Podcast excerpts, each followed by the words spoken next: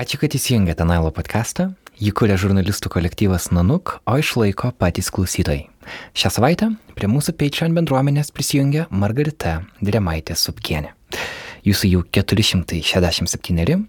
Ačiū Jums visiems, Jūs leidžiate mūsų žurnalistikai būti. Kviečiame prisijungti adresu patreon.com slash nanukmultimedia. Šiandienos epizodą rengiame kartu su nevyriausybinė organizacija Diversity Development Group.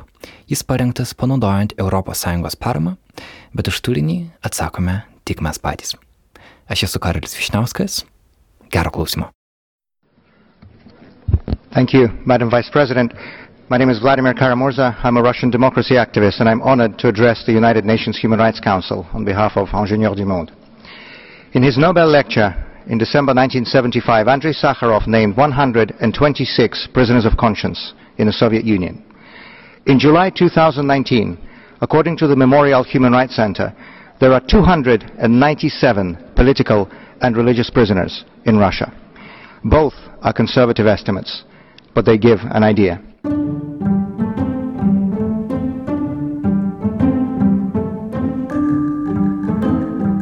Spalį mes net tris epizodus skirsime migracijos temai. Kalbėsime su pabėgėliais, prieglopščio prašytojais ir žmonėmis, kurie jiems padeda. Pastaraisiais metais medijose susiformavo tam tikras migrantų įvaizdis.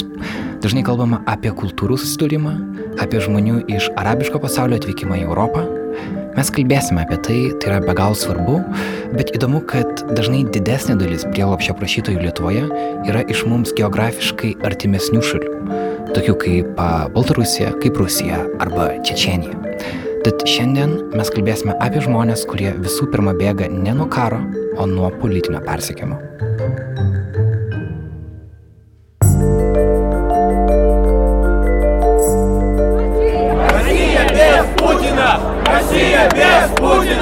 Россия без Путина! Россия без Путина! Россия без Путина! Россия без Путина! Pagrindinė kova šiai dienai vyksta tarp tų valstybių, kurios gerbia tarptautinę teisę, žmogaus teisės, standartus demokratijos, laisvės ir tos, kurios negerbia. Ten, kur dominuoja jėga, gale ir pinigai, neapskaityti pinigai.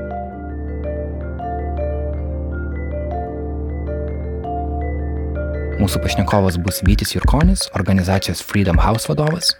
Su juo kalbėsis Artūras Morozovas, nanuk žurnalistas, daug metų besigilintis į temą.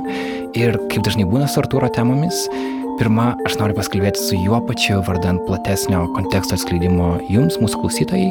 Ir dėl to Artūras yra čia pat studijoje. Labas. Labas, Karoli. Tai turėtumėm pradėti 10 metų atgal, netgi gal kokie 13 metų atgal, kada tu pats pradėjai domėtis prieglapšio prašytojų politinių pabėgėlių tema Lietuvoje. Ir Čečienija yra turbūt raktinis, raktinis žodis šiuo atveju.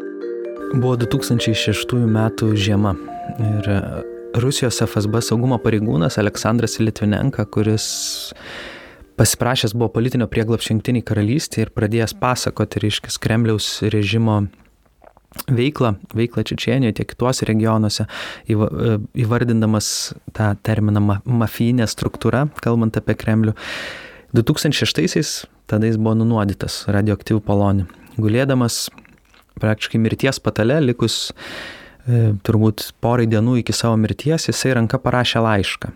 Jį perdavė savo artimai aplinkai ir laiškas kažkur pradingo, buvo kažkam perduotas toliau reikia turbūt tik įsivaizduoti, kas darėsi tam tikrų valstybių, ypač Rusijos valdžioje, su kokiais, kokie buvo nuogastavimai, kas galėtų būti tam laiške. Taip, nes jis buvo bu- buvęs rusų saugumo pareigūnas, Taip, ir jau- jis nusprendė išduoti tą sistemą. Taip, prabilo sąžinę ir galima buvo tik spėlioti, kas turbūt tam laiške, nes jau buvo labai apie daug ką atvirai kalbėjęs. Tas laiškas buvo perduotas nužudytojo Čečenijos prezidento Džoharo Dudaevo našliai, Alai Dudaevai, kuri tuo metu, kiek aš pamenu, slapstėsi nuo Kremliaus režimo. tada mano buvo pirmosios žurnalisto dienos, kaip sakau, ir e, mano kolega Liutauras Trimaitis, dirbęs per abu Čečienijos karus, suorganizavo tą laiško gavimą.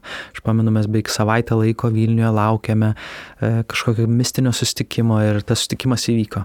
Viename iš daugiabučių namų e, mus pakvietė ten, pasakė, kad tas kad bus proga pamatyti tą laišką ir mes nuvažiavome su fotoaparatais e, ir prieš mus sėdėjo moteris nuleidusi akis, tai buvo Ala Dudajeva ir jinai padavė mums laišką ir mes buvom pirmieji žurnalistai, kurie pamatėm to laiško turinį, vidų ir, ir turbūt vieni pirmųjų žmonių, kurie netgi matė, kas tame laiške. O kas ten buvo parašyta? Aš dabar jau nebeatsimenu, bet, bet aš atsimenu tik tai, kad e, buvo uždengtos tam tikros vietos, e, turbūt tai buvo asmeniškai skirtos. E, tuo metu aš labai mažai žinojau apie Čečieniją, žinojau labai mažai ir apie apskritai, apie kas, tai, kas darosi Rusijoje, bet šitą mane paskatino domėtis daug daugiau kas, kas e, ten vyksta ir aš neilgai trukus ir buvau nuvykęs į Čečieniją, o grįžęs aš pradėjau kalb... bendrauti čia su Čečienų bendruomenė. Tai yra mes kalbame apie senuosius pabėgėlius, apie tą kartą, kurie bėgo po abiejų Čečienijos karų, po 2000 metų, sakykime, suintensyvėjo. Ir tada Lietuvoje egzistavo politinė valia. Juos priimti buvo suprantamas e, Čečienijos žmonių pasirinkimas priešintis e, Kremliaus okupacijai. Nes uh, teisiškai Čečienija priklauso, tarsi yra oficialiai Rusija. Dabar Rusijos federacijos, Rusijos federacijos dalimi. dalimi bet patys čečienai laiko save atskirą. Tai buvo atskirą tautą, per abu karus, valstybę. praktiškai trečdalis tautos buvo sunaikinta ir tai, manau, yra vienas žiauriausių karų, kuris vyko visai netoli mūsų. Ir šiandien mes turime netoli, vat, kur ir dabar kalbam, mes neturi prie Seimo memorialą Čečienijos aukoms atminti, turime Kaunė Čečienijos aikštę, pakeliu į Rusijos ambasadą yra įrengtas e, Džoharo Dajevo skveras, tai yra buvusio prezidento, kurį nužudė Rusijos slaptusios tarnybos per palidovinį telefoną paleidę raketą. Ir Lietuvoje tarsi žmonės iš tikrųjų labai tuo metu simpatizavo, sakykime, tam pačiam Dudaevo režimui ir, ir, ir buvo, jų skausmas buvo labai suprantamas ir artimas mums. Tačiau labai daug kas pasikeitė po Kusaitės bylos, tai yra lietuvė, kuri buvo sulaikyta norėjusi keliauti ir susprogdinti Čečienio prie rusų bazių, jinai buvo apkaltinta terorizmu, maža to, pagal tam tikrus duomenis, jie buvo į Lietuvą įleisti apklaust Rusijos saugumo tarnybos darbuotojai. Ir jeigu prisimint analogišką atvejį ir skaityt, kad tavo dalyvavimas kare netgi tokia žiauria forma, iš tikrųjų, kur kaip teroristinė galėtų būti, e, jeigu prisimint atvejį buvo vaikinas, kuris žuvo Čečienijos kare, kovodamas iš, su Čečienijos sukilėliais, jisai tuo metu 93 berots metais buvo gražintas į Lietuvą ir palaidotas kaip didvyris savo gimtuosiuose Laumžirgių, man atrodo, kaimelėje. Vėliau vyko Bostono sprogimai, e, kur dalyvavo Čečienas Cernaevas. Tačiau labiausiai, manau, paveikė per Rusijos žiniasklaidą transliuotą propagandą apie Čečienų tautą, apie, apie terorizmą ten ir taip, man atrodo, atsirado Lietuvoje, labai pasikeitė situacija čečienai nebebuvo visiškai primami, jiem buvo gana sunku įsitvirtinti ir aš pradėjau domėtis tą bendruomenę, jų mačiau, kaip iš tikrųjų yra sudėtinga, ten gavus būtą gyventi kažkam ten vienam Lietuvos miestelį, daugiabučio laiptinėje, kaip tave žiūri kaimynai. Ir nenustabu, kad daugelis jų išvykdavo ir į vakarų Europos šalis, kur yra desnės tiek arabų, tiek čečienų bendruomenės. Būdavo ir skaldus atvejai, kada aš matydavau, kaip žmonės deportuoja nesakau, kad jas nebereikalo deportuoja iš tikrųjų dėl tam tikrų nusižengimų, bet tuo metu ta deportacija reiškia, kadangi Lietuvo irgi laikoma, kad Čečienė Rusijos federacijos dalis, tai jie buvo deportuojami į Maskvą, kur sutikdavo mm, Maskvos migracijos departamento pareigūnai, reikia turbūt nesunku atspėti, kas dar pasitikdavo juos.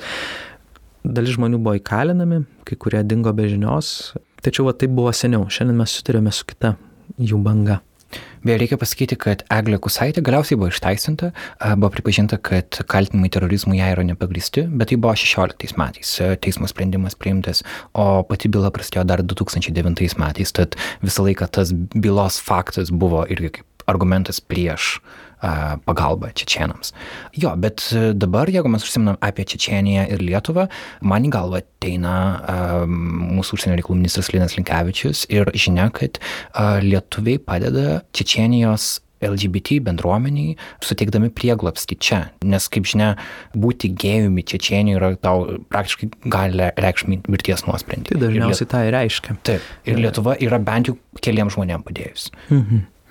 E, taip, tai čia buvo toks iš tikrųjų Lietuva pirmoji, e, taip drąsiai priėmė juos ir suteikė prieglapstį, berots net Junktinės Amerikos valstijos buvo atsakiusios jiems tik prieglapstį ir vizas ir e, taip, tai Lietuvos vardas nuskambėjo per pasaulį. Čia vat, mes susidurėme su ta politinė valia ir va, šiame pokalbė apie tai ir norisi pakalbėti, apie tą tokią nematomą diplomatiją, nes politinė valia, mano nuomonė, jinai reiškia tai, kad tam tikros institucijos, tam tikri žmonės, žmogaus teisų gynėjai daro truputį daugiau, negu jie turėtų turbūt daryti, negu jiem priklauso daryti. Pagal įstatymą tu gali rinktis, gali nedaryti ir vis tiek gali neduoti pagal įstatymą. Taip, tu gali neduoti, nesuteikti prieglapščio. Tai yra labai sudėtingos procedūros. Mes kalbame apie labai m, tikrai nestandartinius atvejus, labai individualius atvejus, individualias žmonių istorijas, kurios dažnai yra sunku patikrinti, yra ne, reikalauja nepaprastai didelio darbo.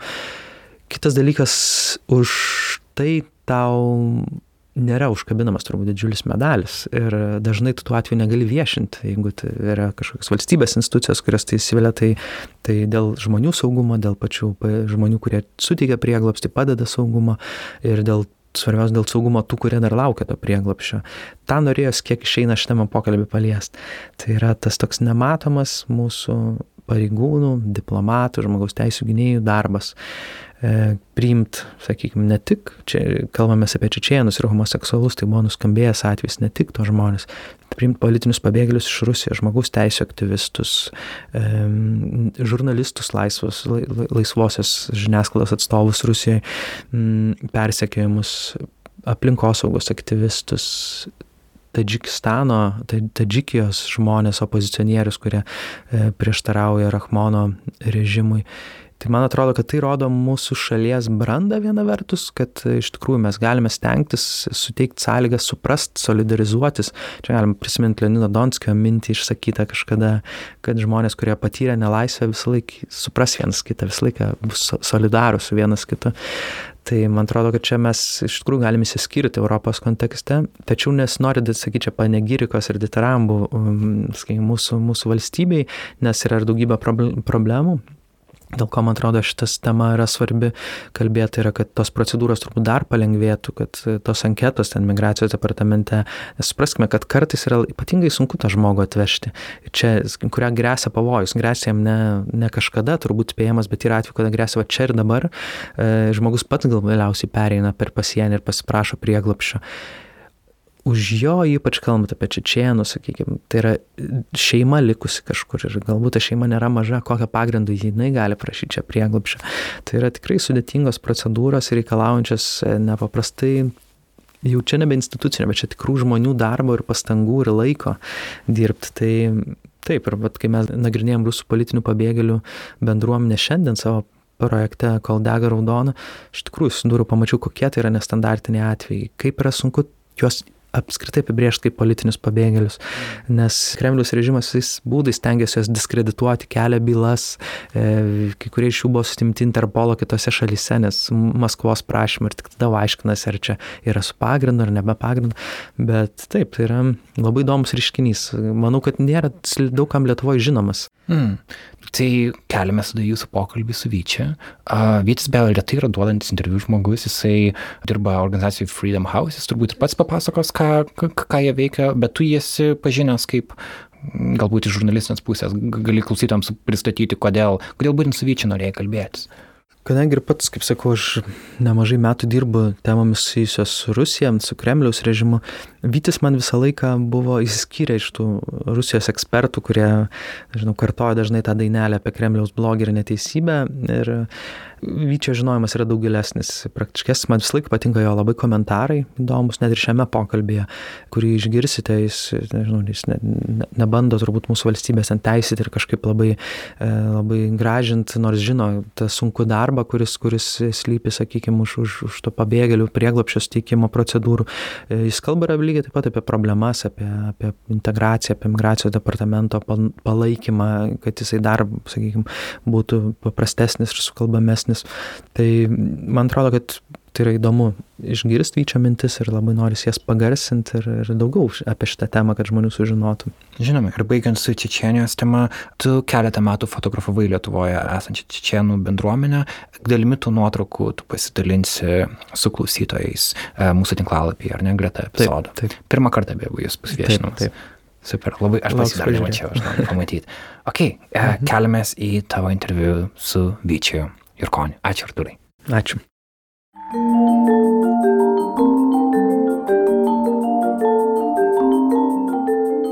Pradėt eiti nuo pristatymų, kaip tu galėtum pristatyti. Aš, Vytis Irkonis, mm, Vilniaus universiteto tarptautinių santykių ir politikos mokslų dėstytojas. Nežinau, žmonės sako, kad e, rytų Europos ekspertas, tai prijaučiantis e, žmogaus teisėms, bendrai laisvė ir tikintis, kad demokratija yra turbūt vienas svarbiausių dalykų mūsų valstybėje.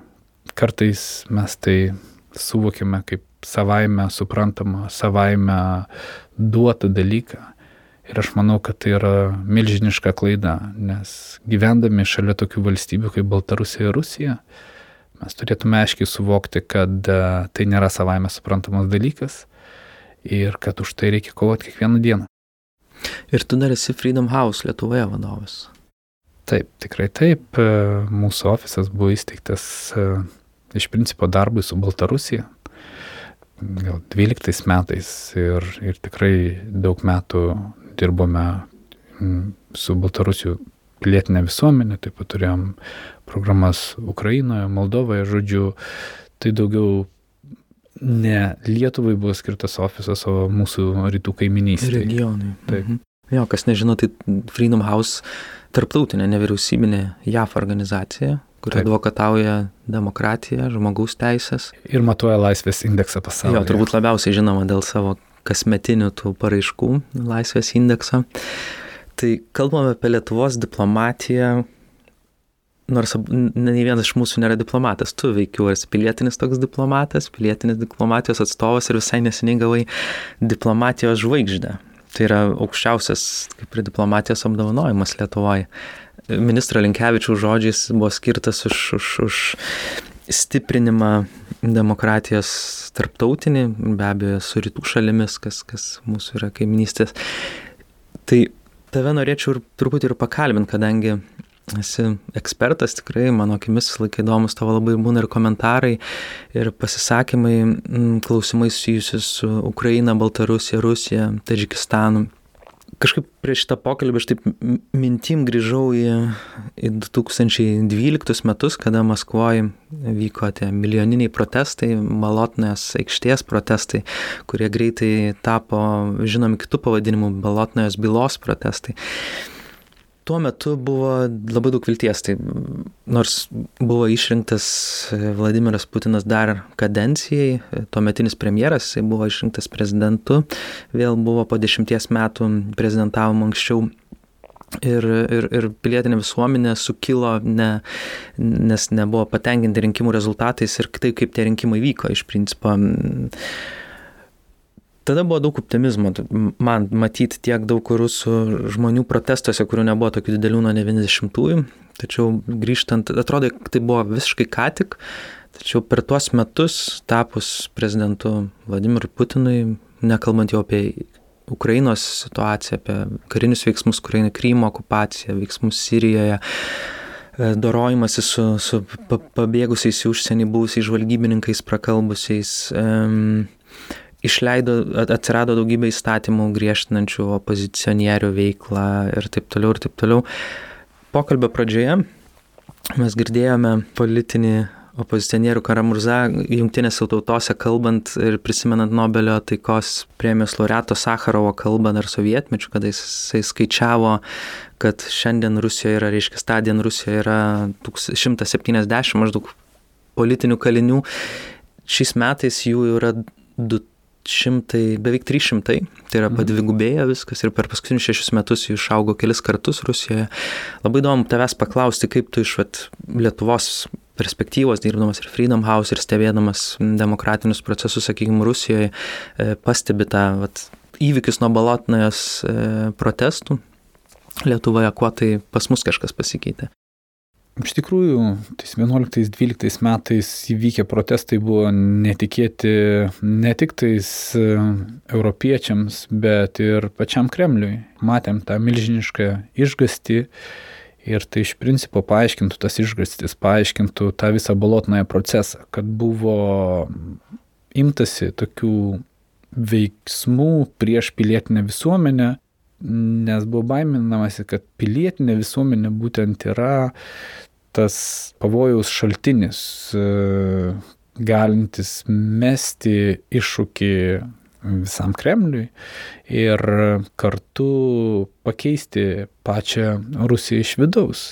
Tai to optimizmo buvo, o Kremliaus pusėje buvo labai daug baimės. Man atrodo, svarbiausia turbūt, e, ką Lietuvoje vis dar kažkaip, nežinau, nenorima turbūt e, pripažinti, ar kartais galbūt jau tiesiog esame tiek nusivylę, kad e, nebetikime tuo, kad e, Rusija apskritai gali būti demokratiška. Tai ta energija, kuri buvo tada, 12 metais, man atrodo, buvo tam tikras signalas mums, kad nepasiduokite, nepraraskite vilties ir kad Rusija gali būti demokratiška ir laisva, gerbinti tarptautinę teisę, žmogaus teisės.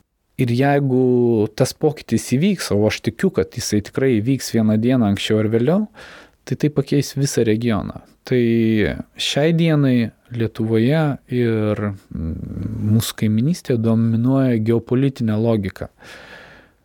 O geopolitiniai logikai svarbiausi du kriterijai ir parametrai yra, kas yra karinė gale, įžuli karinė gale ir neapskaityti pinigai, korumpuoti pinigai. Tai pagal šiuos du parametrus, suprantama, Kremliaus pranašumas yra milžiniškas.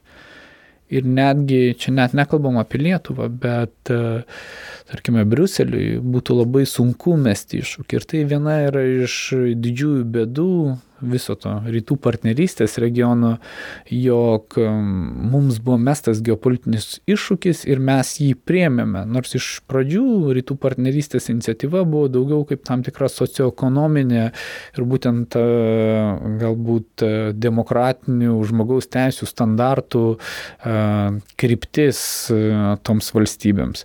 Šiai dienai ir Europoje dominuoja, matome tai, kas vyksta Baltarusijoje, bandoma artėti su Baltarusija, dominuoja ta geopolitinė logika, ne va mes galim kažkaip tai timtelti Baltarusiją Euro, Europos link, kas yra, kas man atrodo yra didžiulė saviapgaulė, nes tą reikėtų pasakyti lygiai taip pat kaip Baltarusiams ar ten azerbaidžianiečiams, taip reikėtų pasakyti ir kartvelams, ir ukrainiečiams, kad galų gale tai yra jūsų valstybės ir jūsų noras žiūrėti į Europos pusę ar žiūrėti į Rusijos pusę.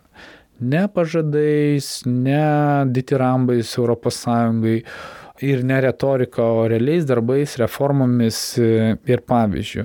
Ir aš suprantu, kad yra politikai, kurie sako, kad ne, bet visa tai yra neįmanoma, kol nėra iški, kol mes neduodame garantijų, kad jie galų gale gali tapti ES e, nariais. E, aš manau, kad savaime suprantamas dalykas.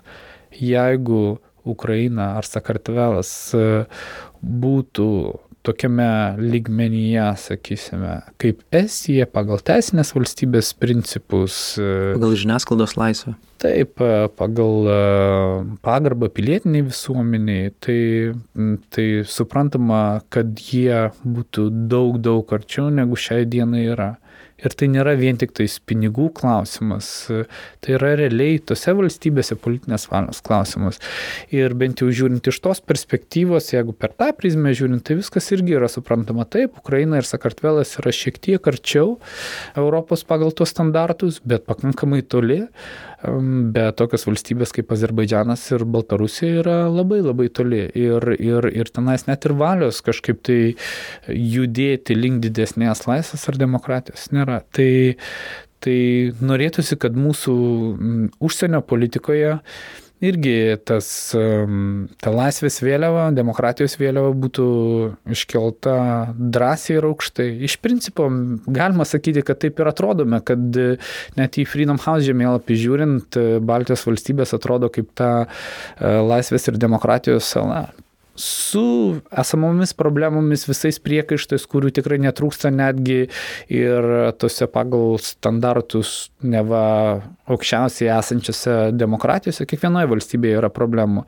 Bet, bet šiaip ar taip, žiūrint į mūsų kaiminystę, nereikia toli žiūrėti. 30 km nuo Vilniaus supranti, kad tai, ką noriu, tai, ką galvoju sakyti čia, Vilniuje galima, o 30 km nuo Vilniaus, Baltarusijos pusėje, dėja nelabai.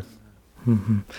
Kiek man irgi teko ne kartą būti Baltarusijoje ir, ir, ir mūsų ambasadoje ir kažkaip kiek kalbėjau ir su diplomatais, sakė, kad yra įvairūs būdai pasakyti, daryti taip, kad e, iš, iš, iš Minsko valdžios daryti taip, kad ir paprastiems žmonėms būtų užkertamas kelias, sakykime, lengvai migruoti į, į, į Vilnių, važiuoti, apsipirkti, žiūrėti.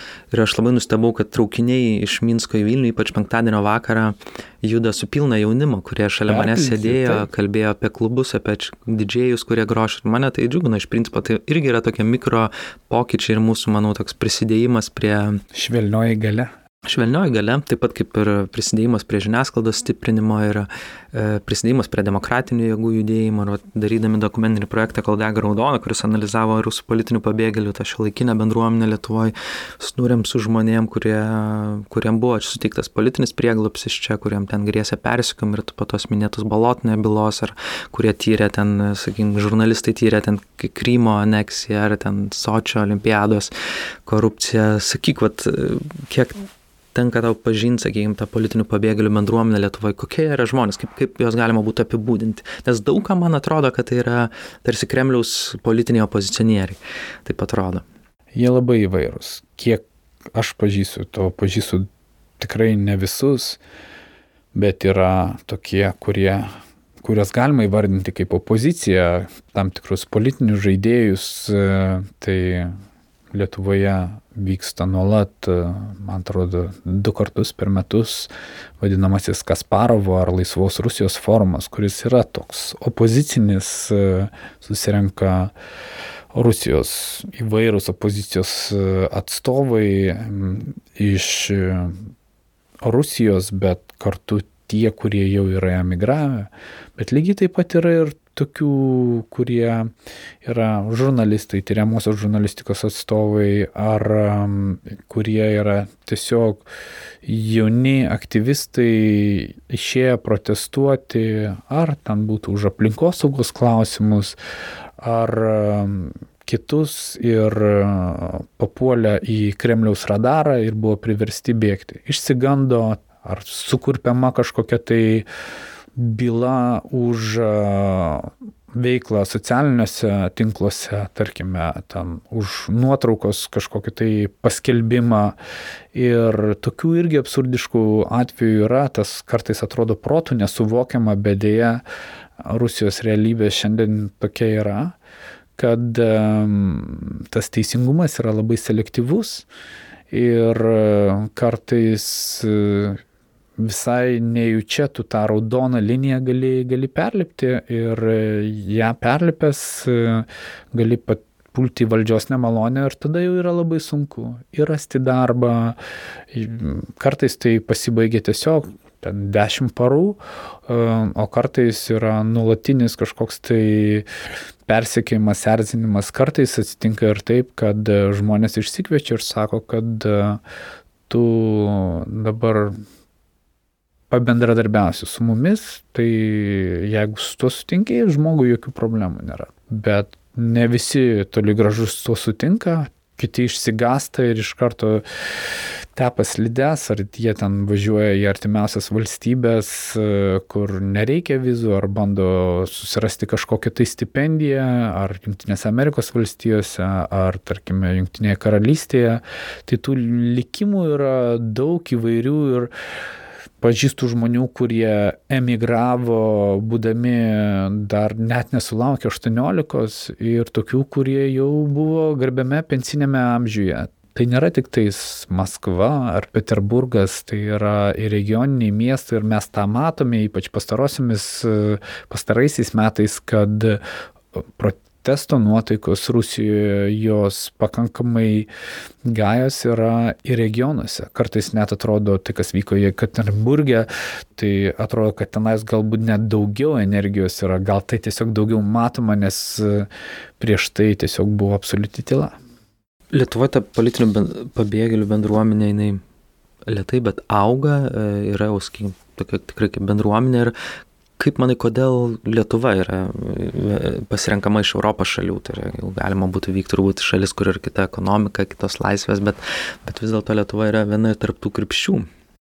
Aš manau, yra ir natūralios priežastys. Viena tai yra, kad geografiškai esame arti, tai turbūt pirmas tas pasirinkimas yra Baltijos šalis, e, Lenkija, toks tarsi natūralus dalykas suprantama, kad jeigu tu išvažiuoji kažkiek tai ilgesniam laikotarpiui, tikiesi, kad bus įmanoma matyti su šeima ir jeigu negali grįžti, tai tikriausiai ten tėvai, broliai, seserys e, galėtų atvykti, tarkim, į Varšuvą, Taliną, Rygą ar Vilnių daug paprasčiau negu, tarkime, į Madridą ar Paryžių. Tai Viena tai, kita turbūt e, reikėtų pasakyti yra tam tikra istorinės aplinkybės ir netgi taip kalbantis su viena, viena iš tų emigravusiųjų gyvenančia Talinę, jinai man iš karto sureagavo, sako, taigi Lietuva čia nuo kunigaikščio Kurpskio laikų buvo žinoma kaip prieglopsti teikianti valstybė, kuomet jisai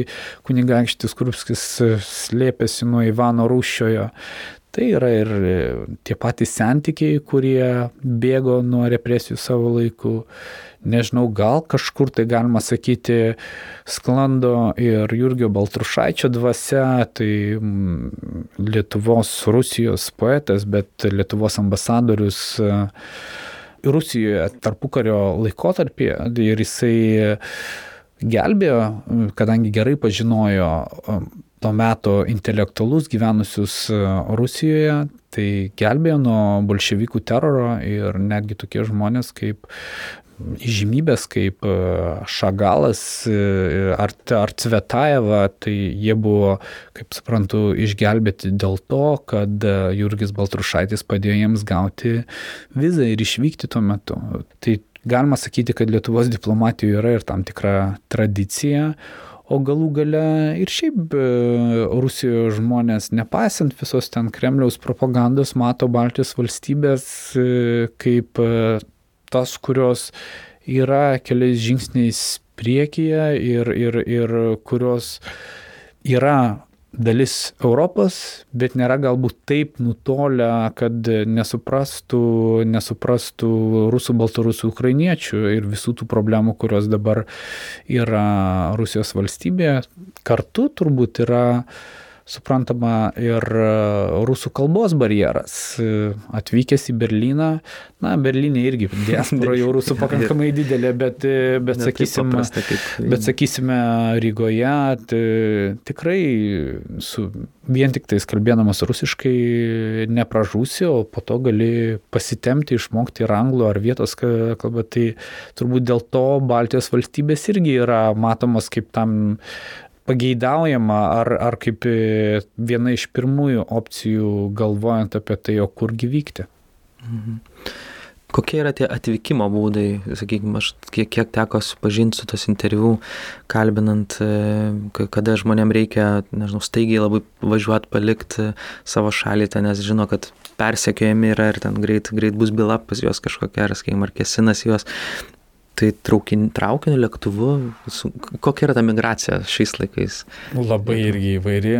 Yra žmonės, kurie, sakysim, dirba, yra aktyvūs pilietinė visuomenė, tai dauguma jų turi ir taip vadinamus užsienio pasus, ir vizas, ir, ir gali išvykti, pasislėpti, tai tokiems yra daug paprasčiau. Bet jeigu tu esi iš kur nors, iš, tarkime, kokio nors Habarovsko ar ten Omsko, Tomsko, tai iš tokių regionų miestų, kur niekas tavęs labai nepažįsta, kur tų žmogaus teisų, vietos žmogaus teisų organizacijų yra labai mažai, tai suprantama, tu esi didesnėje rizikoje, nes jeigu tik tais tave įtraukia ta visa represijų mašina, tu pakliūni jų regėjimą tą lauką, o neturi užsienio paso, tai geriausias dalykas tau yra turbūt persikelti turbūt į kitą regioną, ieškoti giminaičių šalies visai kitoje pusėje, suprantant, kokia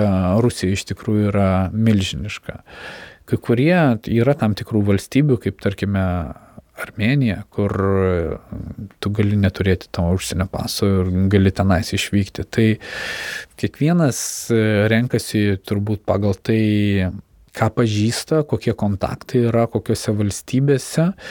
Gal tikriausiai reikia pasakyti, kad didžioji bėda yra su tais, ypač jaunais žmonėmis, kurie eina turbūt į pirmąjį protestą, gauna atgal labai labai išsigasta ir tada viską meta ir bėga paknapstom bet kuria kryptimi ir nelegaliai kerta sieną ir tada jau tai yra bilietas į vieną pusę be jokių absoliučiai garantijų. Tai tie žmonės yra tikrai labai pažeidžiami ir mums patiems, sakysim, kalbant su tarptautiniam organizacijom, tarptautiniais žmogaus teisų gynėjais, Viskas puiku, jeigu tu esi, tarkim, žinomas žmogaus teisų gynėjas ar žurnalistas, tai tokį žmogų kažkaip tai parašyti jam rekomendacijas, jį apsaugoti yra daug paprasčiau, bet jeigu tu esi iš Kaišėdorių lygio miestelio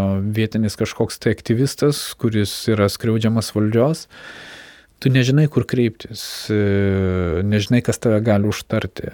Ir tie žmonės, kurie galėtų užtarti tavęs, net nelabai pažįsta. Ir tai... labai sunku įrodyti savo tą persikėmą, skim, jeigu prašai kažkokią prieglapšę. Taip, tai, pavojus, tai, tai ypač tie jauni žmonės, tai jie neapgalvoja visų savo veiksmų, ne, ne, negalvoja, kad štai reikia kažkaip tai užfiksuoti tą persiekimą.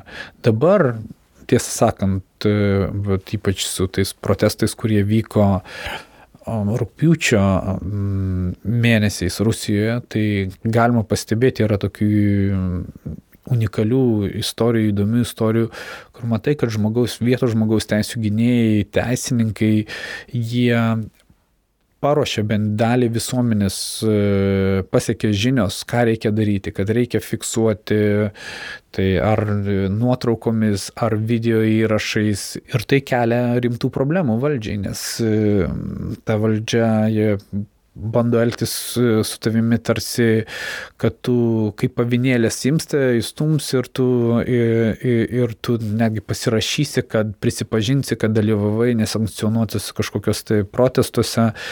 Ir aš matau tam tikrą progresą lyginant su 11-12 metais, kad e, tie Rusijos žmogaus teisų gynėjai ir teisininkai, jie dirba daug geriau Ir praktiškai visi tie tūkstančiai žmonių, kurie buvo suimti ir kuriems buvo iškeltos bylos, jie iš principo turi pateisininką ir netgi kalbama, kad visos tos bylos pasieks Europos žmogaus teisų teismą. Tai nėra jokia gera naujiena Kremliui. Ir aišku, jo, tūkstančiai tokių atvejų turbūt sukuria ir tam tikrą teisinę patirtį, kur, aišku, ir, ir tam tikrą prevenciją, kaip sakai, jau, jau yra žinoma, kad ten reikia fiksuoti, kad rodyti savo tą veiklą. O gal gali, nežinau, porą pavyzdžių, nežinau, jeigu teko susipažinti, net nebūtinai vardant vardus, papasakyt, man atrodo, kad daug klausytojų nelabai supranta, apie koks mes galim kalbėti čia nestandartinius atvejus nestandartinius atvejus. Na, reikėtų paskaityti, kad ir jūsų tą visą reportažą apie kol dega raudoną, tai man viena tokia turbūt skaudesnių istorijų iš to, ką jūs rašėte, yra moters, kuri išvyko su savo 14-mečių sunum, kuomet sunus neturėjo jokių, jokių dokumentų praktiškai. Um, ir išvyko suprantama kryptimi į Baltarusiją, nes tenais nėra sienos, e, praktiškai nėra sienos su, su Rusija. ir kažkaip tai blaškėsi ieškodama pagalbos, kas čia galėtų padėti ir pusvarstė įvairiausius variantus, aš kaip supratau, žiniasklaidos e, nelegaliai kirsti sieną. Ir tai yra tam tikros rizikos, tai e, kol galų gale Ir, ir, ir ką jai motinai daryti, kuri šiaip jau, jau, jau subrendusi moteris, jau, jau arti netgi pensinio amžiaus galėtų būti bent jau Rusijoje. Ir jinai tiesiog bijojo, kad jeigu ją suims, tai sūnų veš į prieglaudą. Tai ir jinai to tikrai nenorėjo. Iš principo jinai norėjo tęsti savo kovą, bet dėl sūnaus pasirinko, pasirinko emigraciją. Ir ta emigracija jai nėra labai paprasta ir lengva, jinai taip turi prieglobsti, bet čia būdama tapo neįgalia ir nelabai gali dirbti. O sistema tiesiog e, nelabai su, adaptuot tokiems specialiems atvejams.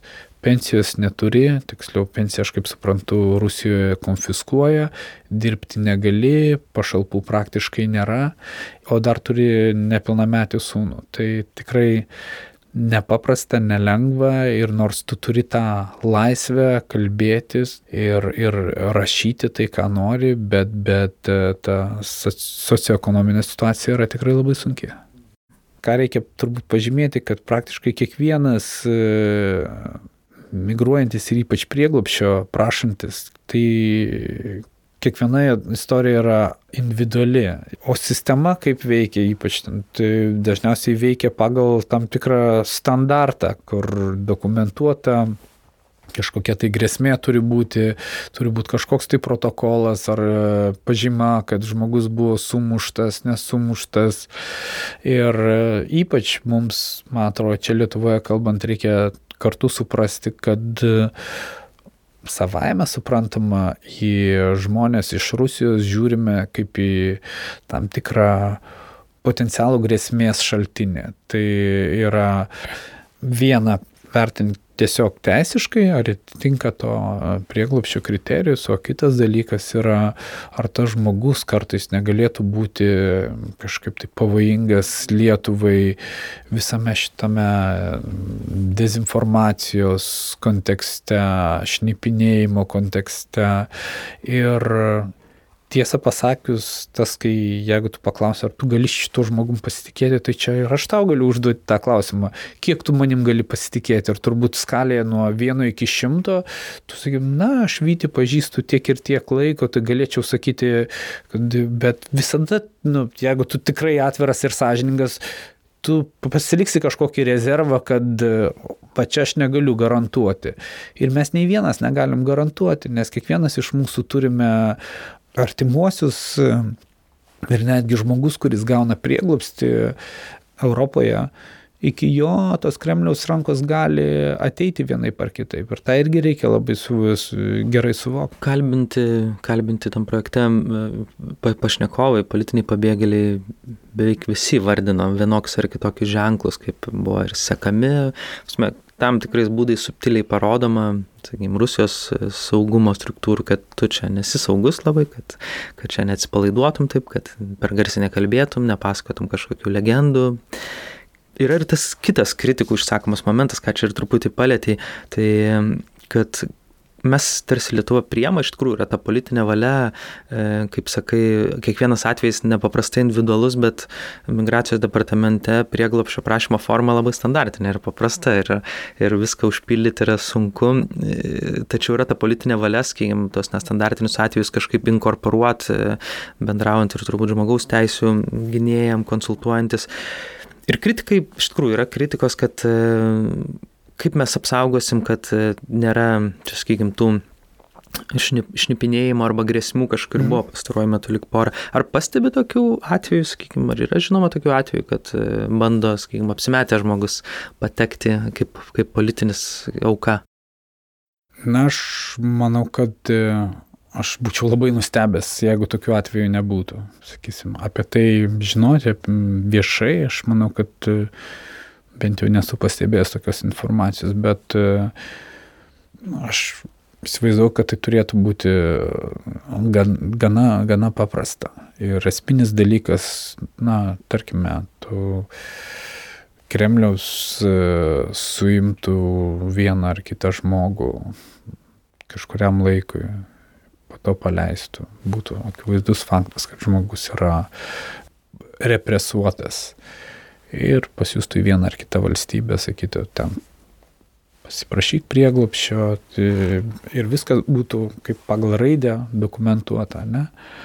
Taip, esminis klausimas turbūt yra, kiek ES valstybės, įskaitant ir Lietuva, kiek mes palaikome ir turime ryšį su, su tų valstybių žmogaus teisų gynėjais nesuprantama, mes nepasant to, kiek mes kalbame apie tai, kokie mes esame Rusijos ekspertai ar rytų ekspertai, užtenka pažiūrėti labai tiesiog e, į objektyvų tą faktą, kad vis mažiau ir mažiau yra žmonių gebančių kalbėti, skaityti uh, rusiškai. Tai tos žinios iš karto, tai, man atrodo, kreivė leidžiasi žemyn. O jeigu dar nori, kad kalbėtų rusiškai ir angliškai, tai ir, ir, ir sklandžia lietuvių kalba, tai toks žmogus klausimas, kur jisai dirbtų, ar jisai dirbtų valstybės institucijose, ar geriau žiūrėtų kažkokiam tai privačiam sektoriui. Ir, ir vieni kalbos neužtenka, dar reikia, kad turėtų žinių, kad turėtų tuos kontaktus ir ar tuos mes kontaktus turime, taip, čia vyksta renginiai, formai, bet mūsų politikai, pavyzdžiui, daug dažniau susitinka su, tarkim, opozicijos atstovais, su visa pagarba jiems. Bet kuomet mes kalbame apie pilietinę visuomenę, tai nėra tik tais politikai. Tai ir tokios iniciatyvos kaip jūs, tai yra ir tiems, kam rūpi aplinkosaugos klausimai, ir tiems, kam rūpi tyriamoji žurnalistika, ir kam rūpi smurtas šeimoje, įvairi diskriminacija vietos klausimai, urbanistika, kas tik nori, tai Rusijos pilietinė visuomenė yra tikrai pakankamai įvairi.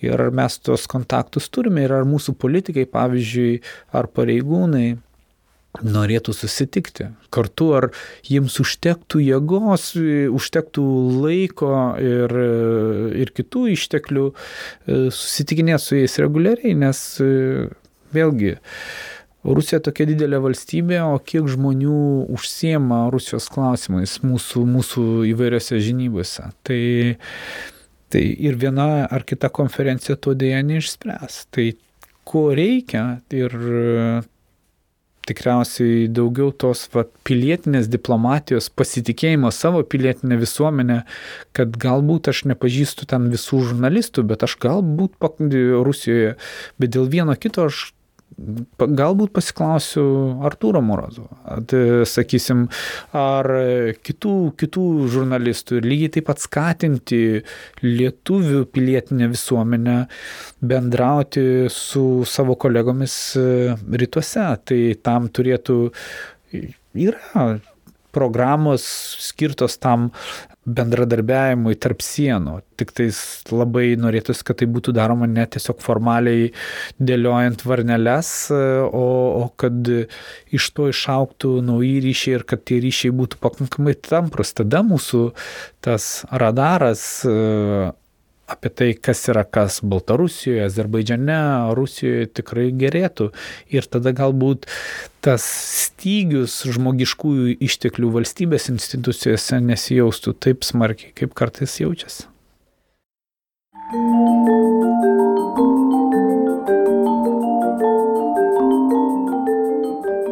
Arturai, aš pasinaudosiu šitą galimybę iššokti jūsų interviu ir dar šiek tiek su tavim pasikalbėti, nes čia yra tai, ką jūs dabar su Vyčiu palėtėte, yra svarbi e, vieta. Visų pirma, kai tu uždavai klausimą jam apie tai, kad būna atvejų, kada prieglopšio prašymo sistema yra pasinaudojama ir kada žmonės, kurie yra šnipai, jie irgi atvyksta naudodami šitą sistemą. Bet suprantu, kad tu laikais pozicijos, kad geriau žinot pilną paveikslą negu dalį paveikslo ir tai nenubraukia bendrai visos politikos. Atvirų durų politika vis tiek yra prasminga nepaisant to, kad yra rizika, kad atvyks žmonės, kurie, uh, kurie nori galbūt pakengti bendruomeniai. Visos migracijos, man atrodo, sutraukia įvairiausių žmonių, tai yra ir, ir, ir žmonių prisidegiančių nu, kažkokiu statusu, prieglapšio prašymo aukos, kažkokiu statusu nukentėjus, kurie atvyksta čia ir dėl ekonominių priežasčių, kas taip pat gali būti karo pasiekmė. Atvyksta ir žmonių be abejo, kurie nori rinkti informaciją apie svetur gyvenančius opozicionierius ypač. Mm, buvo 2013 metai ir aš jau tada porą metų fotografavau čia gyvenančią čečienų bendruomenę. Jeigu apibūdint žmonės tada gyvenančius čia, jie gyveno labai konspiracijos sąlygomis, nes visi baiminosi Rusijos saugumo persekėjimo, Kadyrovo režimo persekėjimo ir manau, kad ir buvo tai įprotis toks jau susiformavęs iš e, pergyvenus abu karus.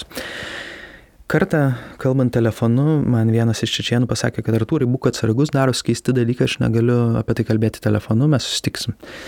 Po kurio laiko, dar po porą savaičių naktį, aš sulaukiu skambučio, kad jie sulaikė vyrą, kuris e, perdavinė informaciją, kuris buvo e, paprašęs prieglopšio ir rinko informaciją ir perdavė ją į, į, į Grozną, į Čečenijos sostinę. Ir tie ženklai jau buvo išduoti, kurie žmonės, kurie čia gyvena slaptai ir tarsi jų vieta buvimo neturėtų būti žinoma, jie gavo davo ženklus iš Čečenijos, kad kažkaip tipo, apie juos jau žinoma, kad jie yra Lietuvoje, kur jie gyvena e, buvo prašomi grįžti ir tada aš sakau, kad aš norėčiau pasikalbėti su to žmogum. Ta pačią naktį buvo berots vėlus vakaras, mes nuvažiavome į Pabradę, e, manęs laukė keli čečienai vyrai, kurie laikė vieną, vieną vyrą Aš paprašiau, kad jie truputį pasitrauktų, kad nebūtų kalbėjimas per prievartą. Ir aš pradėjau kalbėti su to žmogumi, susirūkė cigaretę ir man pradėjo pasakoti savo istoriją. Beje, pasirado daug sim kortelių, e, užrašų tam tikrų, kuris informaciją perdavinėjo. Ir jisai pripažino, jisai save pateikė kaip taip pat režimo auką, jis papasako savo istoriją, kad jis sėdėjo, buvo įkalintas, sėdėjo įkalinimo įstaigoje ir, ir buvo paleistas mainais už tai, kad pasiprašys prieglopšio vieno iš Baltijos šalių, e, rinks medžiagą ir pe, kai ją reiks perdos, jam buvo duotas perots automobilis ir, ir pinigų ir jisai gyveno beveik metus laiko. Čia, o, o reikia suprasti, kad turbūt visos pabėgėlių bendruomenės iš kitos kultūros atvykusios jos labai sulimpa tarpusavį. Tai reiškia, kad labai nėra paslapčių tarp jų, jie dalinasi. Tai buvo toksai atvejis, tada man buvo labai įdomu išgirsti. Po dar trijų metų, visai netaip ir senai čia, buvo kitas atvejis, daug sudėtingesnis jau, kuris, kur, kur buvo atvejis toks, jau kur aš supratau, kad kaip žurnalistas nebegaliu veikti, e, nes jau viskas vyko realiu laiku ir buvo grasinama, jau buvo suimti žmonių, su kuriais aš čia Lietuvoje bendravau čečienų, artimieji Groznė, jiem buvo, jie, buvo skambinama iš, iš, iš vietos saugumo struktūrų ir grasinama susidoroti su jų artimais, jeigu jie negrįž. Tai čia mūsų tarnybos sudirbo saugumo ir kaip, kaip, suprantu, kaip suprantu, vis tas atvejs jau, buvo, jau buvo galiausiai ištirtas ir kalbėti apie toks atvejus, man atrodo, taip pat reikia ir tai yra nieko nuostabaus, man būtų keiščiau, jeigu tai nevyktų. Ir man atrodo, nenukenčia jokia ta valia padėti, noras padėti žmonėm. Ir aš visiškai pasitikiu, pavyzdžiui, mūsų valstybės institucijom, mūsų struktūrom ir saugumo, kurie, kurie tikrina, kurie e, suteikia taip pat prieglapšį, rekomenduoja ar suteikti ar nesuteikti vienam ir kitam asmeniu prieglapšį. Tai taip, bet norės šią istoriją turbūt pagarsinti, kad suprast turbūt kokiam sudėtingam situacijom čia susiduria gyvenantys žmonės. Mhm. Ir man patiko tai, ką tu kalbėjai, kad netgi tą, tą žmogų, kuris buvo pačios čečienų bendruomenės laikomas kaip juos šnipinėjančių, tu išklausai jo istoriją ir tu supratai, kad jeigu jisai laiko savo, save režimo auką, tai čia turbūt irgi reikia suprasti, kad dažnai uh, abi pusės yra režimo aukos, tiesiog skirtingose, skirtingose ir čia, man atrodo, labai svarbu pasakyti, kad tai, aš netikiu, kad tai yra pasiteisinimas, aš tikiu, kad jis buvo režimo auka tie būdai, kuriais veikia, dėja veikia Kremliaus režimas, e, analogiškai ir Ramzano Kadyrovo e, Grozno režimas, tai, tai yra KGB metodai, kurie mes, kaip žinome, iš savo istorijos yra be galo brutalūs ir nepaliekantis tau jokių galimybių. Tai aišku, kad yra daugybė palūžusių žmonių, kurie mato tai kaip galimybę, ne visada jie gal patys supranta tą blogį, ką jie daro, e, kad va čia aš kažko paklausiu, kažką čia perduosiu truputį, bet e, dideliam paveikslė jie gali užimti labai svarbu vaidmenį kažką. Mm. be abejo. A, gerai, turim dar šiek tiek minučių tavo pokalbio su Vyčiu. Pažadu nebeiššokti į jūsų, į jūsų pokalbį ten. Ačiū to dar kartą. Сейчас будет последний трек. Отгадайте, какой. А, жоги давай.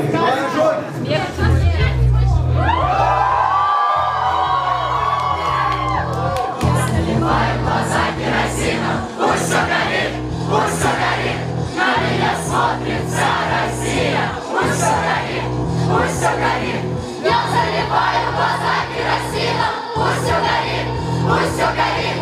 На меня смотрит вся Россия, пусть все горит, пусть все горит. Įdomi labai tema palėtė apie žmogaus teisų gynėjus ir e, turime mes iniciatyvų ir, ir iš tikrųjų tas žmogaus teisų gynėjas aktyvizmas Lietuvoje jis yra matomas. O kaip tu pats pastebi, kiek tame yra Rusijos klausimų ir daug kas kalba apie atvažiuojančias, e, sakykime, rusų grupės, kurias gana politiškai, sakykime, už dainų tekstai eina ir palaiko. O ar matome, mes, sakykime, tos žmonės, e, mūsų žmogaus teisų gynėjus prie Rusijos ambasados, e, kalbant apie politinius kalinius? Įvairiai, įvairiai. Aš vėlgi manau, kad tai yra tam tikro, turbūt, e, tam tikras resursų klausimas, kad tų problemų, kaip sakiau, yra kiekvienoje demokratijoje. Tai neturim mes tiek jau daug tų žmogaus teisų gynėjų Lietuvoje, jų yra, bet kas dirba su tautinėmis bendrijomis, kas dirba LGBT klausimais, kas dirba vėlgi smurto šeimoje klausimais, kas aplinkos sauga domisi, kas psichikos sveikata, kas žmonėmis su negale. Ir tai yra tokie klausimai, kurie yra svarbus, kur problemų ir Lietuvoje yra pakankamai nemažai. Bet man aišku norėtųsi, kad mes ir Lietuvos klausimus matytume regioninėme kontekste. Nes kai nėra to atskaitos taško, ne visada suvoki, kaip blogai gali būti. Ir galbūt e, didindami savo tą solidarumą, mes kartu didintume ir savo jautrumą. Kartais mes rastume ir labai nuostabių iniciatyvų kaiminėse valstybėse, net tose pačiose režimo valstybėse, kur galbūt galima būtų kažką tai padaryti kartu, ar galbūt pasimokyti iš savo, savo kolegų. Tarkime, Baltarusijoje yra viena tokia puikia iniciatyva, kuri vadinasi Imena Bai, tai vardai, ir jinai labai uh, atkreipė dėmesį į tokius socialiai jautrius klausimus, e, žmonės e, sergantis e, sunkiomis lygomis, kuriems reikia padėti. Ir ta iniciatyva per keletą metų išaugo į kuri, kuriai nereikia jokių fondų pagalbos, jie patys save išlaiko, patys save, žmonės juos palaiko Baltarusijoje.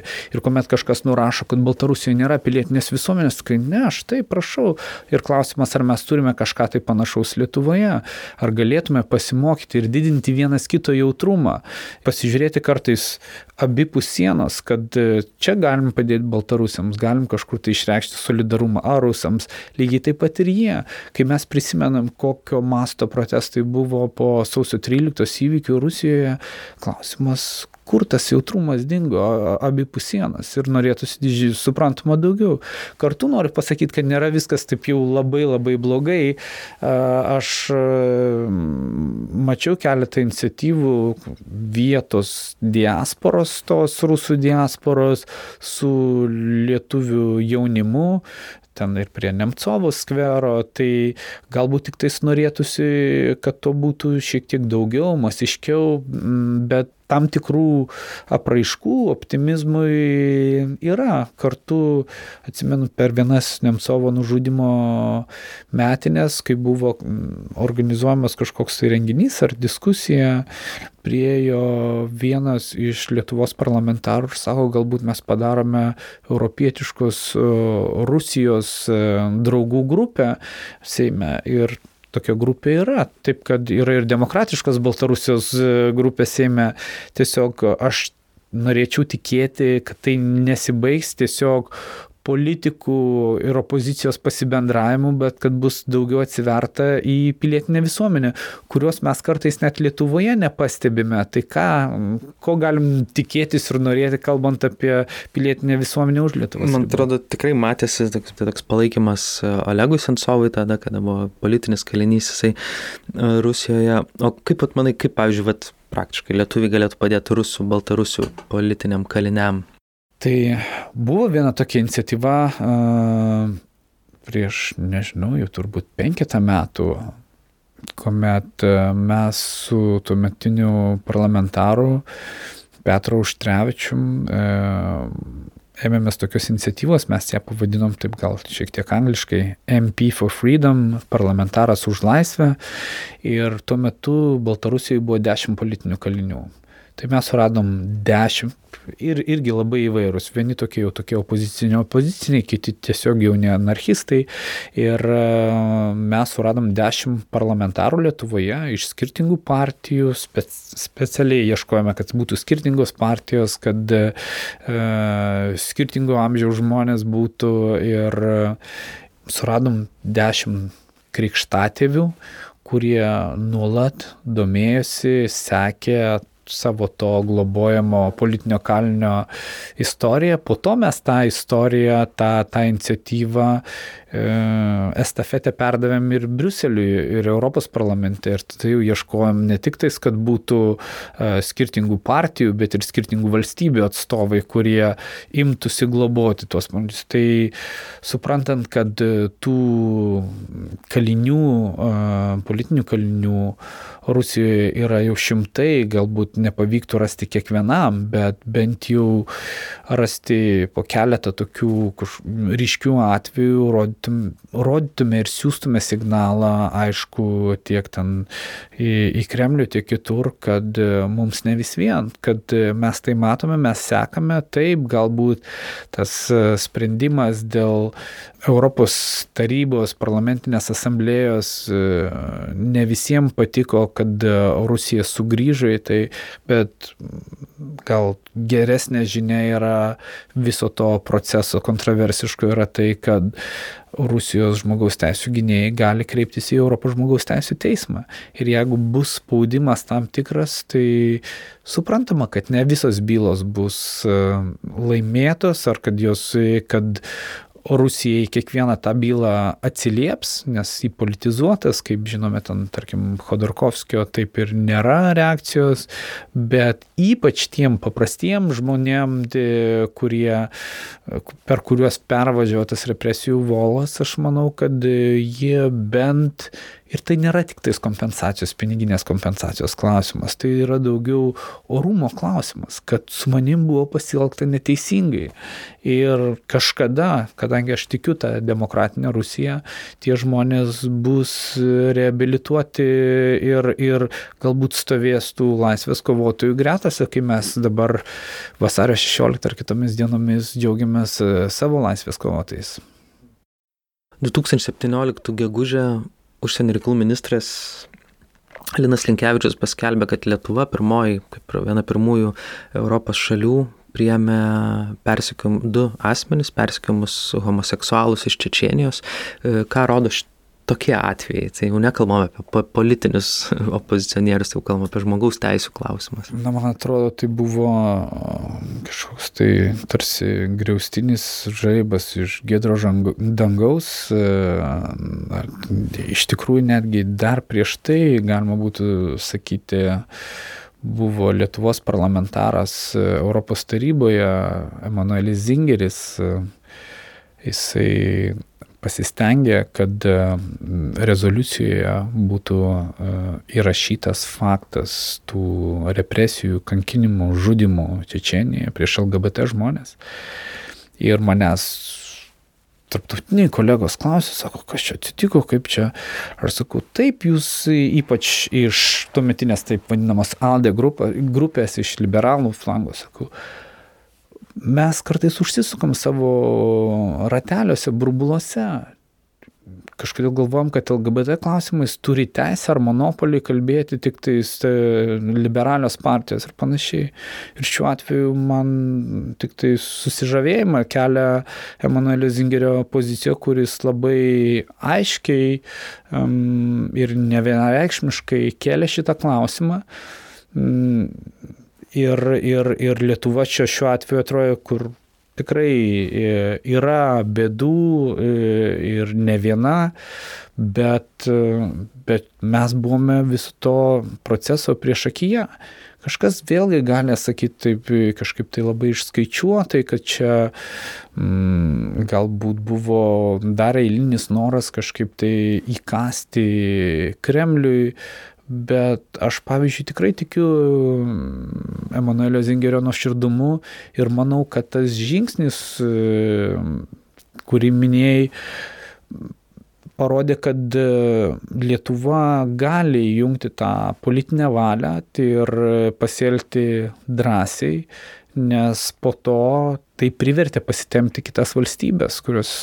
Taip dažnai net Junktinės Amerikos valstijos atsakė vizų prašymam.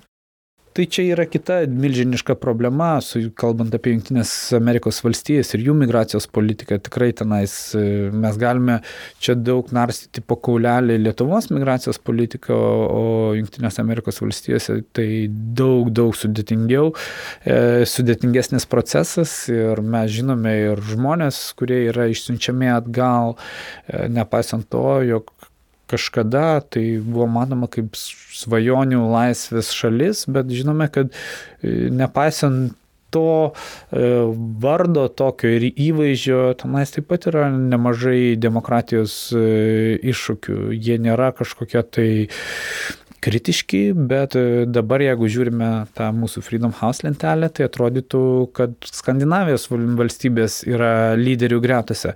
Bet grįžtant prie tos LGBT temos ir Lietuvos diplomatų išduotų vizų, aš manau, kad privertė pasitemti kitas valstybės, nes Lietuva dažnai yra kritikuojama įvairiose tarptautinėse institucijose dėka ir vietos žmogaus teisų gynėjų pastangų, rodant tas visas problemas įvardinant. Keliama problematika. Tai. Taip, tai bet čia aš manau, kad buvo tikrai drąsų žingsnis, privertęs pasitemti kitas valstybės ir aš manau, kad Lietuva, kiek žinau, tęsia gana aktyviai savo veiklą, taip vadiname, Maskvos mechanizme ir įvairiose tarptautinėse formatuose stengiasi atidžiai sekti ir dalyvauti tą procesą, tą tyrimą ir reikalauti vietos valdžios atsakomybės. Ir jeigu vietos valdžia nereaguoja, kartu reikalaujama iš Maskvos tam tikrų žingsnių objektivaus nešališko tyrimo atsidarius migracijos departamento statistiką, matos, kad pernai metais daugiausiai prieglopio prašytojų buvo iš Tadžikistano, Tadžikijos. Ir berots Lietuva yra tokia viena tarp daugiausiai priimančių, didžiausią bendruomenę čia jų turinčių šalių ES. Gal gali papasakoti truputį apie situaciją ten? Vėlgi, sunku būtų suteikti tą pilną vaizdą, pilną paveikslą, tai, bet iš tų kelių kontaktų ir pokalbių, kuriuose teko dalyvauti, aš suprantu, kad tadžikių bendruomenė čia auga ir tas statistika tą akivaizdžiai rodo, labai daug e, Tadžikistano piliečių dėl tikrai labai sudėtingos e, situacijos šalies viduje. Ir visų pirma politinio persikėjimo politinių oponentų masiškai migravo į kitas e, valstybės, į ES valstybės, bet ne tik tais, ir į Rusiją, ten kaip kam pavyko. Ir e, Lietuva, aš kaip suprantu, buvo viena iš tų valstybių, kurie išdavė gana nemažai vizų.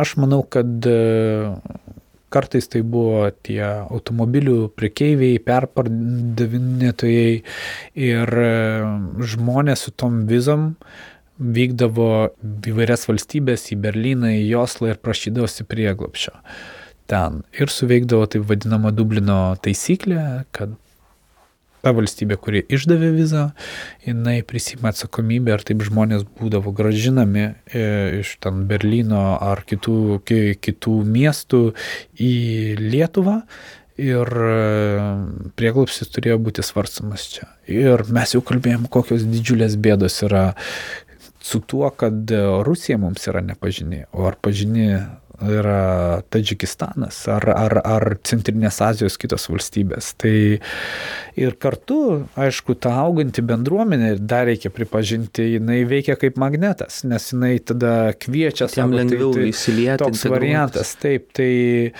tai tas iššūkis yra ir, ir, ir kiti tiesiog vyksta kažkaip tai bando nelegaliai kirsti sienas, tas irgi variantas yra, pats puikiai žinai, yra ir vedliai, kurie veda per sienas už pinigus ir visa kita, tai, tai čia klausimas ar Baltarusija, nes dažniausiai tai yra ta valstybė turinti tikrai nemažą sieną. Iki kurios nereikia atvykti vizų. Jo, ir tada klausimas, kur tenais žioja tie plyšiai, lygiai taip pat su Rusija Latvija pasienyje tikrai irgi yra punktų, kur žmonės stengiasi įveikti. Ir kai kurios iš tų žmonių istorijų tai yra suprantamos, aiškios, tikrai tenais yra pagrindo prieglopšiui ir žmonės buvo represuoti, kankinami ar jų giminaičiai papuolė į tą valdžios nemalonę bet kartu reikia pasakyti ir tai ir pripažinti, kad yra žmonių, kurie tiesiog e, ieško geresnio gyvenimo, tie vadinami visi ekonominiai migrantai ir e, vėlgi tai yra milžiniškas iššūkis suprantant, kad e, ta vadinama migracijos krizė kai kur galbūt perlenkiama lasda, bet jinai nėra išgalvota.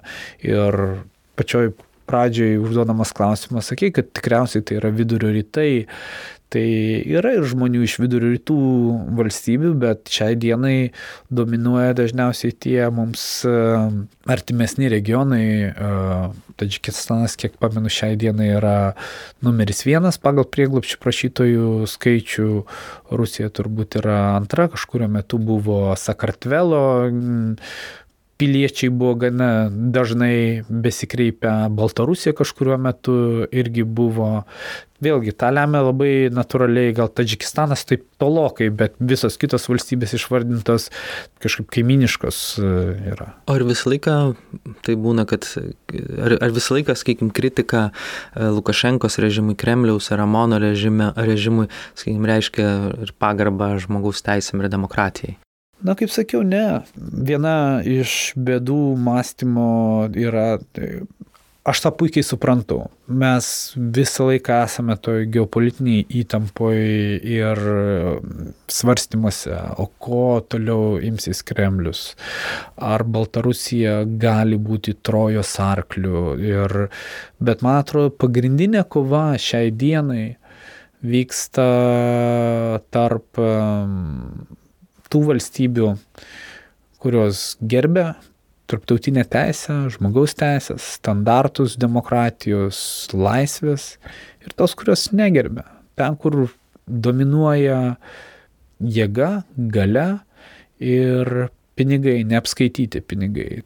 Ir kuo daugiau mes klimstame į tą geopolitinį mąstymą, kuomet kriterijumi gali būti mano priešo priešas yra mano draugas, va tokio pobūdžio išskaičiavimai, tai viena vertus ir toms valstybėms e, yra pretekstas sakyti, nėra ten jokios žmogaus teisų standartų, visa tai yra pasakos, tai yra imperinė politika, širma kažkokia tai, o kartu lygiai taip pat skaldyti mus iš vidaus, nes kuomet mes nebesakėme savo tais standartais, kriterijais, kuomet mes galvojame, kad demokratija tai yra savaime suprantamas dalykas, ar tai bus rytoj, mes patys tai išduodame, keliame abejonę viduje ir tas nepasitikėjimas, jisai, ta abejonė, jinai žudo iš vidaus.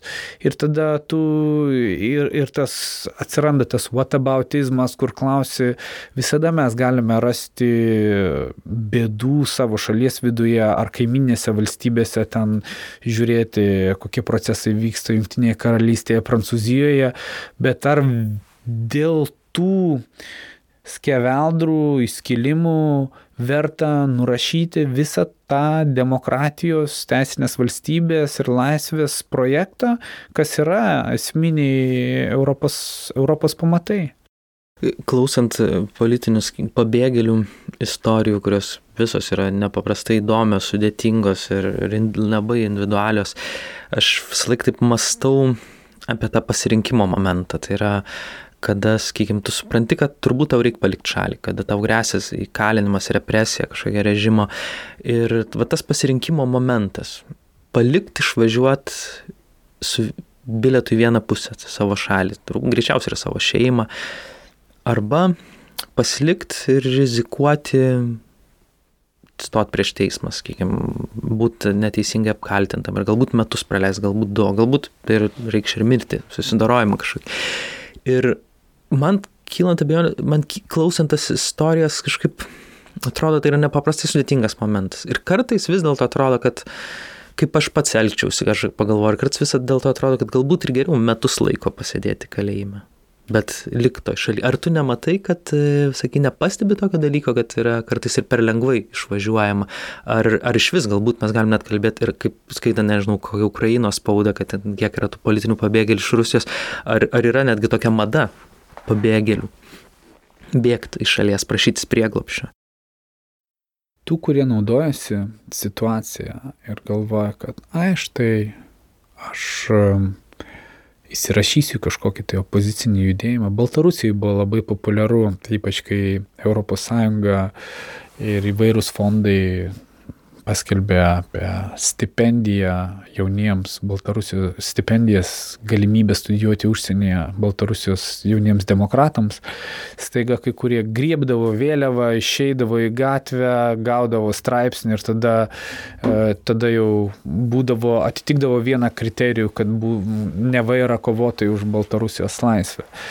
Tokio pobūdžio veiksmų galima rasti ir kitose valstybėse, tai ir, ir Rusijoje lygiai taip pat. Mm, tai neišvengiamai. Bet kita istorija iš Baltarusijos. Aš atsimenu, kuomet e, paaiškėjo, kad Lietuva perdavė žmogaus teisų gynėjo Lesio Beleckio banko duomenis e, Baltarusijos pareigūnams kad greičiausiai tai reiškia, jog bus jam kurpiama kažkokia tai byla. Aš buvau apie tai informuotas ir tuo metu žinau, kad e, Alesis buvo Lietuvoje. Sako, ar galėtum perduoti žinę, kad jeigu jisai tik tai svarstytų likti Lietuvoje, mes padarytume viską, kad, kad jisai turėtų teisinį pagrindą, galbūt net kreiptis prieglopščio. Aš Alesiui tą žinutę perdaviau ir jo reakcija buvo labai paprasta.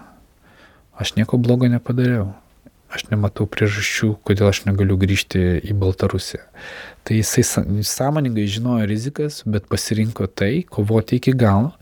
Bet ar mes turime moralinę teisę iš kiekvieno reikalauti tokio didvyriškumo. Tai ir kokią teisę aš turiu pasmerkti vieną ar kitą žmogų, kuriam tiesiog yra baisu.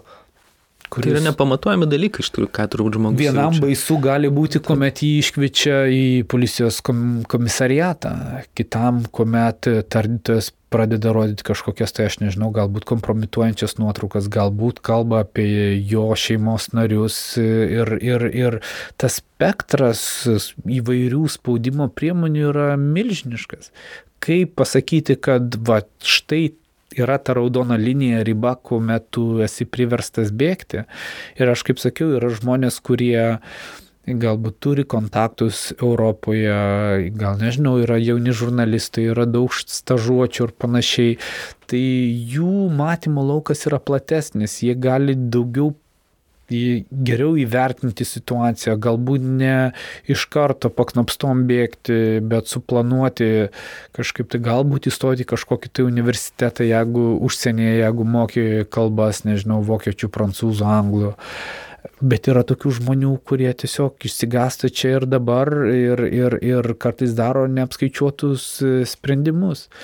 Ir yra lygiai taip pat e, tarptautinių žmogaus teisų organizacijų, kurios tiesiog nevertindamos visų tų rizikų ir panašiai sako, taip, žmogus turi teisę bijoti ir, ir vien tik tais tai, gali, čia kita medalio pusė, ir vien tik tais tai jau suteikia jam teisę prašytis prieglopščio, bet prieglopščio prašymo procedūra ir kriterijai vis tiek turi būti dokumentuota grėsmė, turi būti mm, aiškus kriterijai, kad žmogus dalyvavo kažkokio tai veikloje, kuri, kuri iššaukia, tarkime, režimo reakciją kažkokią tai, ar nežinau, vietos kažkokių tai politikų reakciją. Tai labai sudėtingas ir kaip mes pradžioje kalbėjome, kiekviena istorija yra labai individuali. E, gali tik tai žavėtis tokiais žmonėmis, kurie kaip ir tas pats Olegas Sensovas, kuris jisai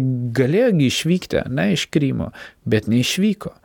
Tai e, ir, ir irgi ta skaldyk ir valdyk politika, jinai vyksta, tarkime, mes kalbėjome apie Rusiją, ne, tai yra tokių Rusijos e, žmonių egzilėje, kurie sako, beje, Baltarusijoje lygiai taip pat, kurie sako, kad visi tie, kurie yra likę Rusijoje ar Baltarusijoje, jie vienaip ar kitaip bendradarbiauja su režimu, jie yra prisitaikėliai ir panašiai, jie niekada nebus tie demokratai, kovotojai už laisvę ir panašiai kokią teisę tu turi teisti ir taip sakyti. Be pigų tau būnant užsienyje mm, kalbėti iš aukšto tai ir, ir niekada, niekada mes nesame, nežinome, kas iš tikrųjų padarys tą esminį pokytį.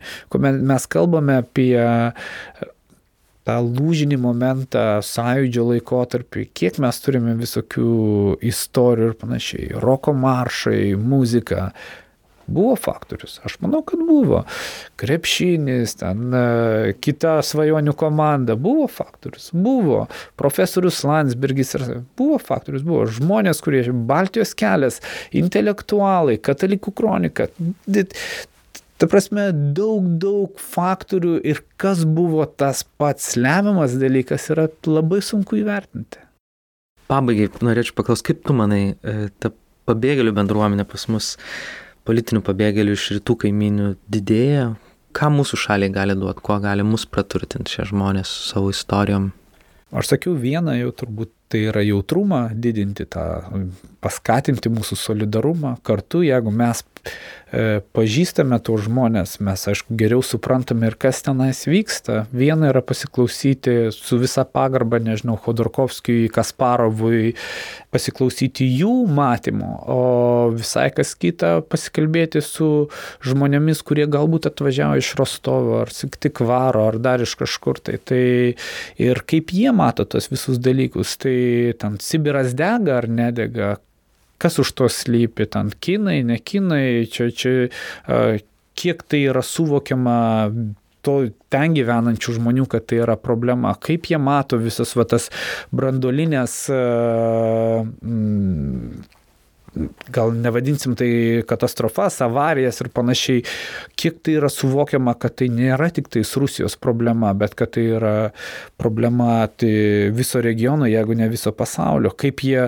lygiai taip pat mato tą patį Krymą, tai tą pačią agresyvę Kremliaus politiką, aš manau, kartais mes būtume nustebinti tų visų atsakymų. Dar vienas dalykas, kuris aš manau ypatingai yra uh, svarbus, tai yra tai, kad kadangi mes Rusiją pažįstam vis mažiau, tie žmonės gali gerinti mūsų tą matymo lauką, radarą, pasakyti, kas yra kas. Aš žinau, kad yra tyriamosios žurnalistikos atstovų, kurie stengiasi bendradarbiauti ir parodyti, kad vienas ar kitas ten verslininkas yra susijęs su Kremliumi. Tie patys e, Rusijos tyriamosios žurnalistikos atstovai daug prisidėjo prie tyrimų dėl e, MH17 numušimo, net tyrimo viso, dėl Salisbury atakos tyrimo. Tai ir, ir, ir tai rodo, kad Rusijos pilietinė visuomenė, jinai gerokai stipresnė negu kartais, kad mes manome. O O čia, o čia ta bendruomenė, aš manau, kad kažkaip žiniasklaidos priemonės galbūt galėtų dirbti su tais tie, kurie yra arčiau žiniasklaidos, su žurnalistais, žmogaus teisų gynėjai galbūt galėtų irgi kažkaip tai daugiau bendrauti ir sukurti kažkokių tai abipusienos projektų įvairiomis temomis ir vieni kitus atrasti ir tada vieni kitus geriau pažinsime. Ir galbūt ne tik tais pradėsime tikėti, kad e, kitokia Rusija yra įmanoma, bet ir prisidėsime, kad tokia kitokia Rusija, demokratiška, laisva Rusija e, taptų ne tiesiog svajonė, bet ir realybė. Nu, ačiū labai už mintis tavo ir pokalbį. Dėkui Jums.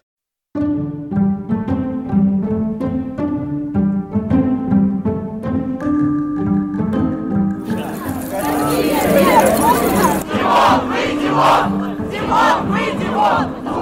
С плакатом вас могут заметить? Да, я знаю. Это очень стрёмно. Все равно? А что они могут сделать? Садить. Насколько? До 15. Не очень страшно. Страшнее прожить лет 20 в такой же нищете.